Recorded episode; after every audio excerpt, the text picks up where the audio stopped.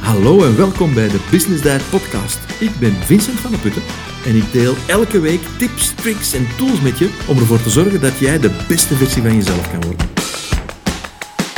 Welkom op deze negende podcast van de Business Diet. En deze week is een beetje een uh, speciale episode, een speciale aflevering, want uh, ik heb uh, besloten om het te hebben over iets heel eenvoudig, iets heel simpel, maar iets dat we veel te weinig doen naar mijn mening. Zeker in de westerse wereld. En um, ja, het is eigenlijk bij wijze van spreken kort en krachtig. Het gaat over één ding. En ik, ik weet uit ervaring dat dat ene ding ja, de verbondenheid met de mensen om je heen enorm kan verbeteren. De wijze waarop je kan samenwerken met je mensen, met je team, enorm kan versterken. Uh, ja, eigenlijk er gewoon voor zorgen dat je op een aangenamer manier met mensen kunt omgaan. En daarom is het net zo belangrijk. Dus um, ja, het is iets waarbij je, denk ik, een blijvende en een positieve herinnering kan creëren bij een ander. En echt iets dat we gewoon te weinig doen. Oprechtheid is hierbij wel een heel belangrijk woord. Um, je weet dat ik een hekel heb aan manipulatie, of dat weet je misschien ondertussen. Manipuleren vind ik een verschrikkelijk woord en vind ik een uh, verschrikkelijke handeling. Maar datgene wat nu komt, uh, ja, is, is dat helemaal niet. Het, het zit, er zit een oprechtheid in die al het verschil gaat maken. Ik moest eraan denken toen ik de Dalai Lama, uh, die ik een enorm wijs en, en, en ongelooflijk iemand vind. Ik kijk er enorm naar op, ik lees er ook vaak over. En een van de dingen die hij regelmatig zegt als hij in het Westen aan het woord komt, uh, dat is dat, dat hij vaststelt dat wij in, het, in de westerse wereld iets heel raars doen. Hij zegt, uh, als je naar de begrafenis van iemand gaat, dan hoor je daar mensen spreken en uh, vol lof over de persoon die er niet meer is. De ene na de andere, de collega, familielid, kinderen enzovoort, komen daar praten, vaak met heel veel emotie, begrijpelijker en logischer wijze, maar praten dan over ja, hoe fijn die persoon wel was, hoe mooi die wel was, hoe veel goeds die had gedaan enzovoort. En de Dalai Lama stelde vast, en stelt het nog vast, dat is, het is opvallend dat wij eigenlijk tot het einde van iemands leven moeten wachten om juist die mooie dingen dan te delen, niet met die persoon zelf, maar met de andere personen die, die, uh, die hem of haar dan hebben gekend. En um, ja, dat is mij eh, eigenlijk bijgebleven. Dus we geven bij wijze van spreken bloemen op het, uh, ja, als het leven voorbij is, maar tijdens het leven maken we daar misschien te weinig gebruik van. En daar gaat deze podcast over. Hoe kunnen we dat misschien meer doen? Hoe kunnen we dat uh, wel doen tijdens het leven van de mensen? Waarom doen we dat niet? En uh, als we dat dan doen, ja, hoe doen we dat dan echt op een oprechte manier? Um, dus ja, ik moet eigenlijk zeggen, toen ik er met de voorbereiding van een podcast bezig was, moest ik zelf ook denken aan iets wat ik vroeger tijdens de trainingen wel heel vaak deed. En dat heeft eigenlijk te maken met hoe wij in de westerse wereld ja, zijn opgegroeid, zijn geschoold misschien ook, um, maar waar toch een soort natuurlijke reflex van, van vandaan is gekomen. Wat ik dan altijd deed, was, op een bepaald moment tijdens de training, dan had ik een flipchart en dan schreef ik daar een aantal rekensommen op. Uh, geen al te ingewikkelde dingen, maar uh, ja, 5 maal 5 is 25 en dan zo een stuk of 10 rekensommen. Sommige een beetje ingewikkelder en sommige wat minder ingewikkeld. En ik, uh, ja, ik schreef het dan gewoon op van boven naar beneden. Mensen keken daarnaar, vonden dat een beetje raar. En dat eerste 5 van 5 is 25. En, en dat plus dat is zoveel. En dat maal dat is zoveel. En, en, en allemaal prima. En um, ik, ik stak er ook stevast altijd een, een, een fout in. Ik zorgde er altijd voor dat zo ergens onderaan op het blad er een rekensom uh, fout was, die niet klopte. En ik deed dan eigenlijk alsof ik dat niet wist. En ik ging dan gewoon verder. En ik merkte dan in, in de zaal waar ik voor stond, ja, dat er zo wat, wat geroezemoes kwam. Of dat er misschien wel iemand begon te lachen. Of, of zo naar zijn, naar zijn buurman of buurvrouw zo een, een, een duwtje gaf van, heb je gezien, hij heeft een fout gemaakt. En uh, ja, ik, ik, wist eigenlijk, ik wist dat dat ging gebeuren, want ik deed dat uh, regelmatig. En ik deed dat niet om de mensen te plagen, maar wel om iets duidelijk te maken. En datgene wat ik wilde duidelijk maken, dat is dat wij uh, ja, ik heb, ik heb dus negen dingen op dat bord geschreven van de tien die juist waren. Maar datgene waar onze aandacht trekt, datgene waar de rest van het gesprek dan even over ging of gaat, dat is dat ene rekensommetje wat fout is. En dat is eigenlijk wat ik daarmee wilde weergeven. Van kijk, dankjewel dat je dat hebt opgemerkt. Je hebt volkomen gelijk. Die negende rekensom of die achtste die hier op het bord staat, die klopt inderdaad niet, want de uitkomst is niet 9,28, maar 9,29 of wat het ook is. Maar wat ik ermee bedoel is, we kijken naar de fout. We zoeken de fout. We praten over de fout. We praten over de tekortkoming. En zo zijn we eigenlijk ook op school grootgebracht. Want wat gebeurt er als je een dicté schreef? Wat gebeurt er als je eender wat uh, moest doen op een toets of wat dan ook? Je kreeg die terug, althans in mijn tijd. Ja, mijn tijd is natuurlijk, uh, ja, dat was vlak na de Eerste Wereldoorlog, bij wijze van spreken. Maar ik kreeg die dingen dan terug. Bij mij dan heel vaak rood onderlijnd, rood omcirkeld, rood doorstreept, een min bij, een fout dit enzovoort. Uh, ik weet nog, ik had een uh, leraar Nederlands, meneer Peters noemde die, um, en die, zei, die, die gaf heel moeilijke dictées. En die zei, het is heel eenvoudig. Als je één dt-fout schrijft, dan heb je sowieso maar 5 op 10. Schrijf je twee dt-fouten, ben je sowieso gebuist. Um, ja, dat gebeurt nu natuurlijk niet meer. Is dat goed of slecht, dat laat ik in het midden, want ik, ik, ik, schrijf wel fouten, maar dt-fouten, daar, daar denk ik, uh, dat heb ik er wel van geleerd. Dus uh, ergens is er ook wel een pluspunt. Hè? Doordat je zo gedwongen wordt uh, of doordat je zo op die feiten geduwd wordt, leer je daar misschien ook wel iets uit. En dat is ook wat dat we in de westerse wereld ook, ook zeggen. Hè? Dat is dat we leren van onze fouten. En voor een deel is dat juist. Maar waar deze pod, waarom ik deze podcast vandaag uh, wilde maken, dat is om, om, om dat wat in evenwicht te brengen. Want we zijn zo in een, in een samenleving uh, terechtgekomen waarbij alles heel gepolariseerd wordt en waarbij we eigenlijk mensen alleen nog maar aanspreken op fouten. Terwijl, ja, mensen doen heel veel goede dingen. Moesten we niet meer goede dingen doen dan slechte dingen, ja, dan zouden we waarschijnlijk niet meer leven. Want dan zouden we meer stommiteiten doen, meer risico's lopen, meer dingen doen die ons lichaam aantasten enzovoort. En dan zouden we het letterlijk en figuurlijk niet meer overleven. Dus zelf van op school hebben we dat meegekregen om te kijken naar fouten. En ik zeg dus niet dat je het nooit over fouten mag hebben. Dat zeg ik niet. Zeker als je een team moet leiden. Ja, fouten uh, gebeuren. Hè. Uh, je kan geen omlet bakken zonder eieren te breken, zegt men wel eens. Uiteraard gebeuren fouten. Maar de wijze waarop we daarmee omgaan en de context die we creëren om die fouten eigenlijk heel natuurlijk te kunnen benutten om daar dan mee te groeien en verder te gaan, die basis die ligt juist in het tegenovergestelde van mensen op fouten te pakken, bij wijze van spreken. Want die oplossing ligt hem in een context te creëren waarbij het, het geven en het krijgen van oprechte waardering, uh, en dan echt het woord oprecht, zoals ik het in het begin ook zei, de sleutel van oprechte waardering te geven, die opent de deur naar uh, ja, ja, heel veel mooie dingen, een heel sterke basis waarbij, dan, ja, waarbij er heel veel meer mogelijk is. En dat geldt voor ja, in je omgang met, met kinderen uh, is dat van toepassing. Dat geldt in de omgang met mensen die wat voor jou doen, mensen die voor jou werken, uh, zelfs klanten, leveranciers, noem het allemaal maar op. Zo eens een keertje oprechte waardering geven, dat maakt al het verschil. Um, want uh, mensen laten groeien, dat doe je op een basis van iets positiefs. Dat doe je niet op een basis van iets negatiefs. En die basis van iets positiefs, ja, dat is uh, ja, mensen echt betrappen op iets goeds doen. Dus mijn tip vandaag uh, in deze podcast, ik, ik, heb er maar een paar, ik heb het gezegd, hè, het is echt uh, kort en krachtig deze keer, is geef meer en geef vaker eerlijke en oprechte waardering aan de mensen. En dat kunnen mensen zijn ja, die je goed hebben geholpen in, in een winkel, een winkelbediende, dat kan iemand zijn uh, die, die uh, heel behulpzaam is geweest aan de telefoon uh, als je een, een vraag had.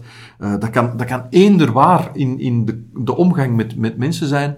Neem eens even die tijd om die persoon te bedanken en te zeggen van, ik wil even zeggen dat ik het enorm op prijs stel hoe jij dat of dat of dat aan hebt gepakt, of, of hebt aangepakt, of gedaan hebt, of wat dan ook.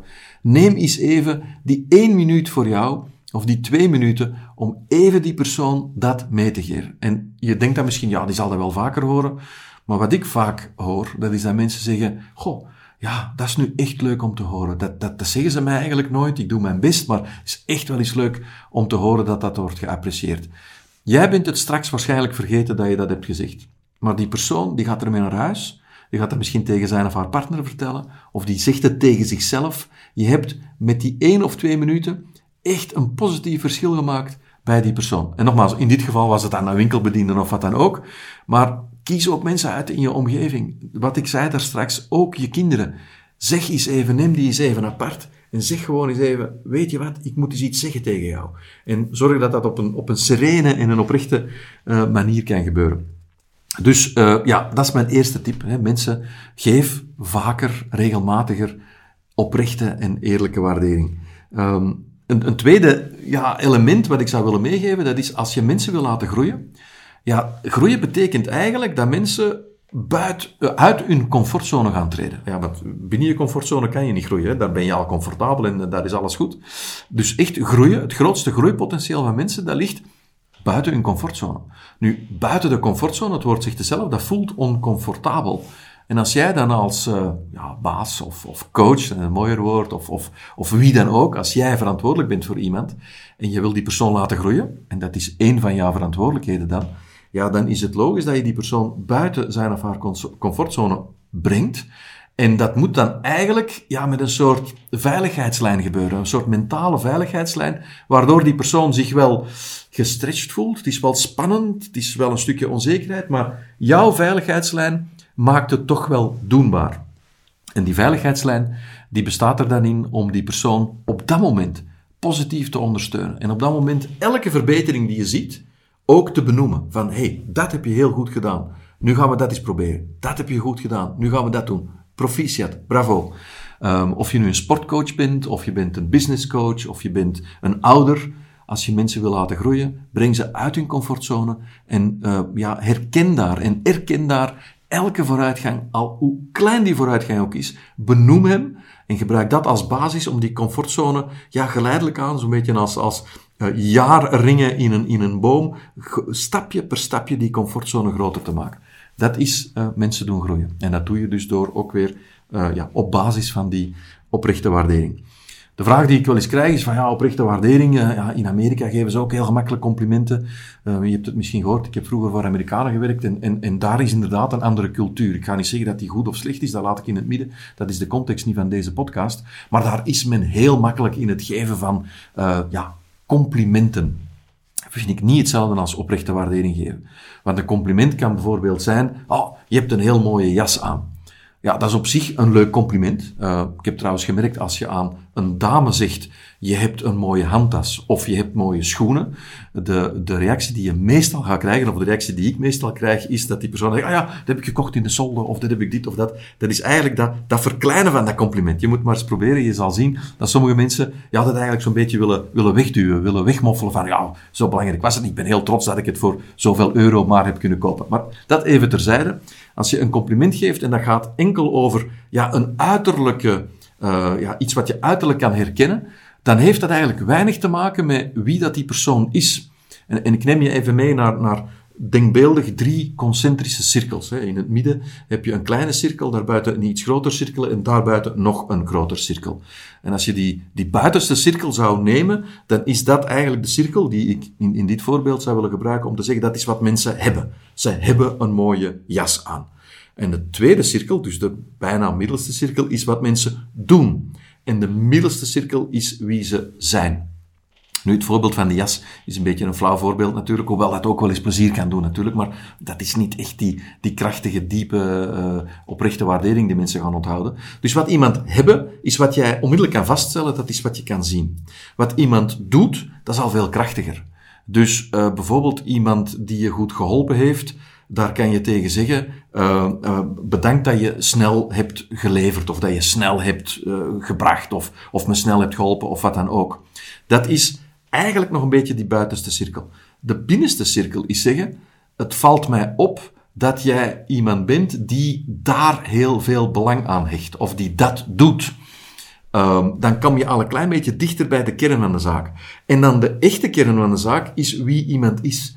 Volgens mij ben jij iemand die heel klantgericht is. En de reden dat ik dat zeg, is omdat ik je dat en dat zag doen.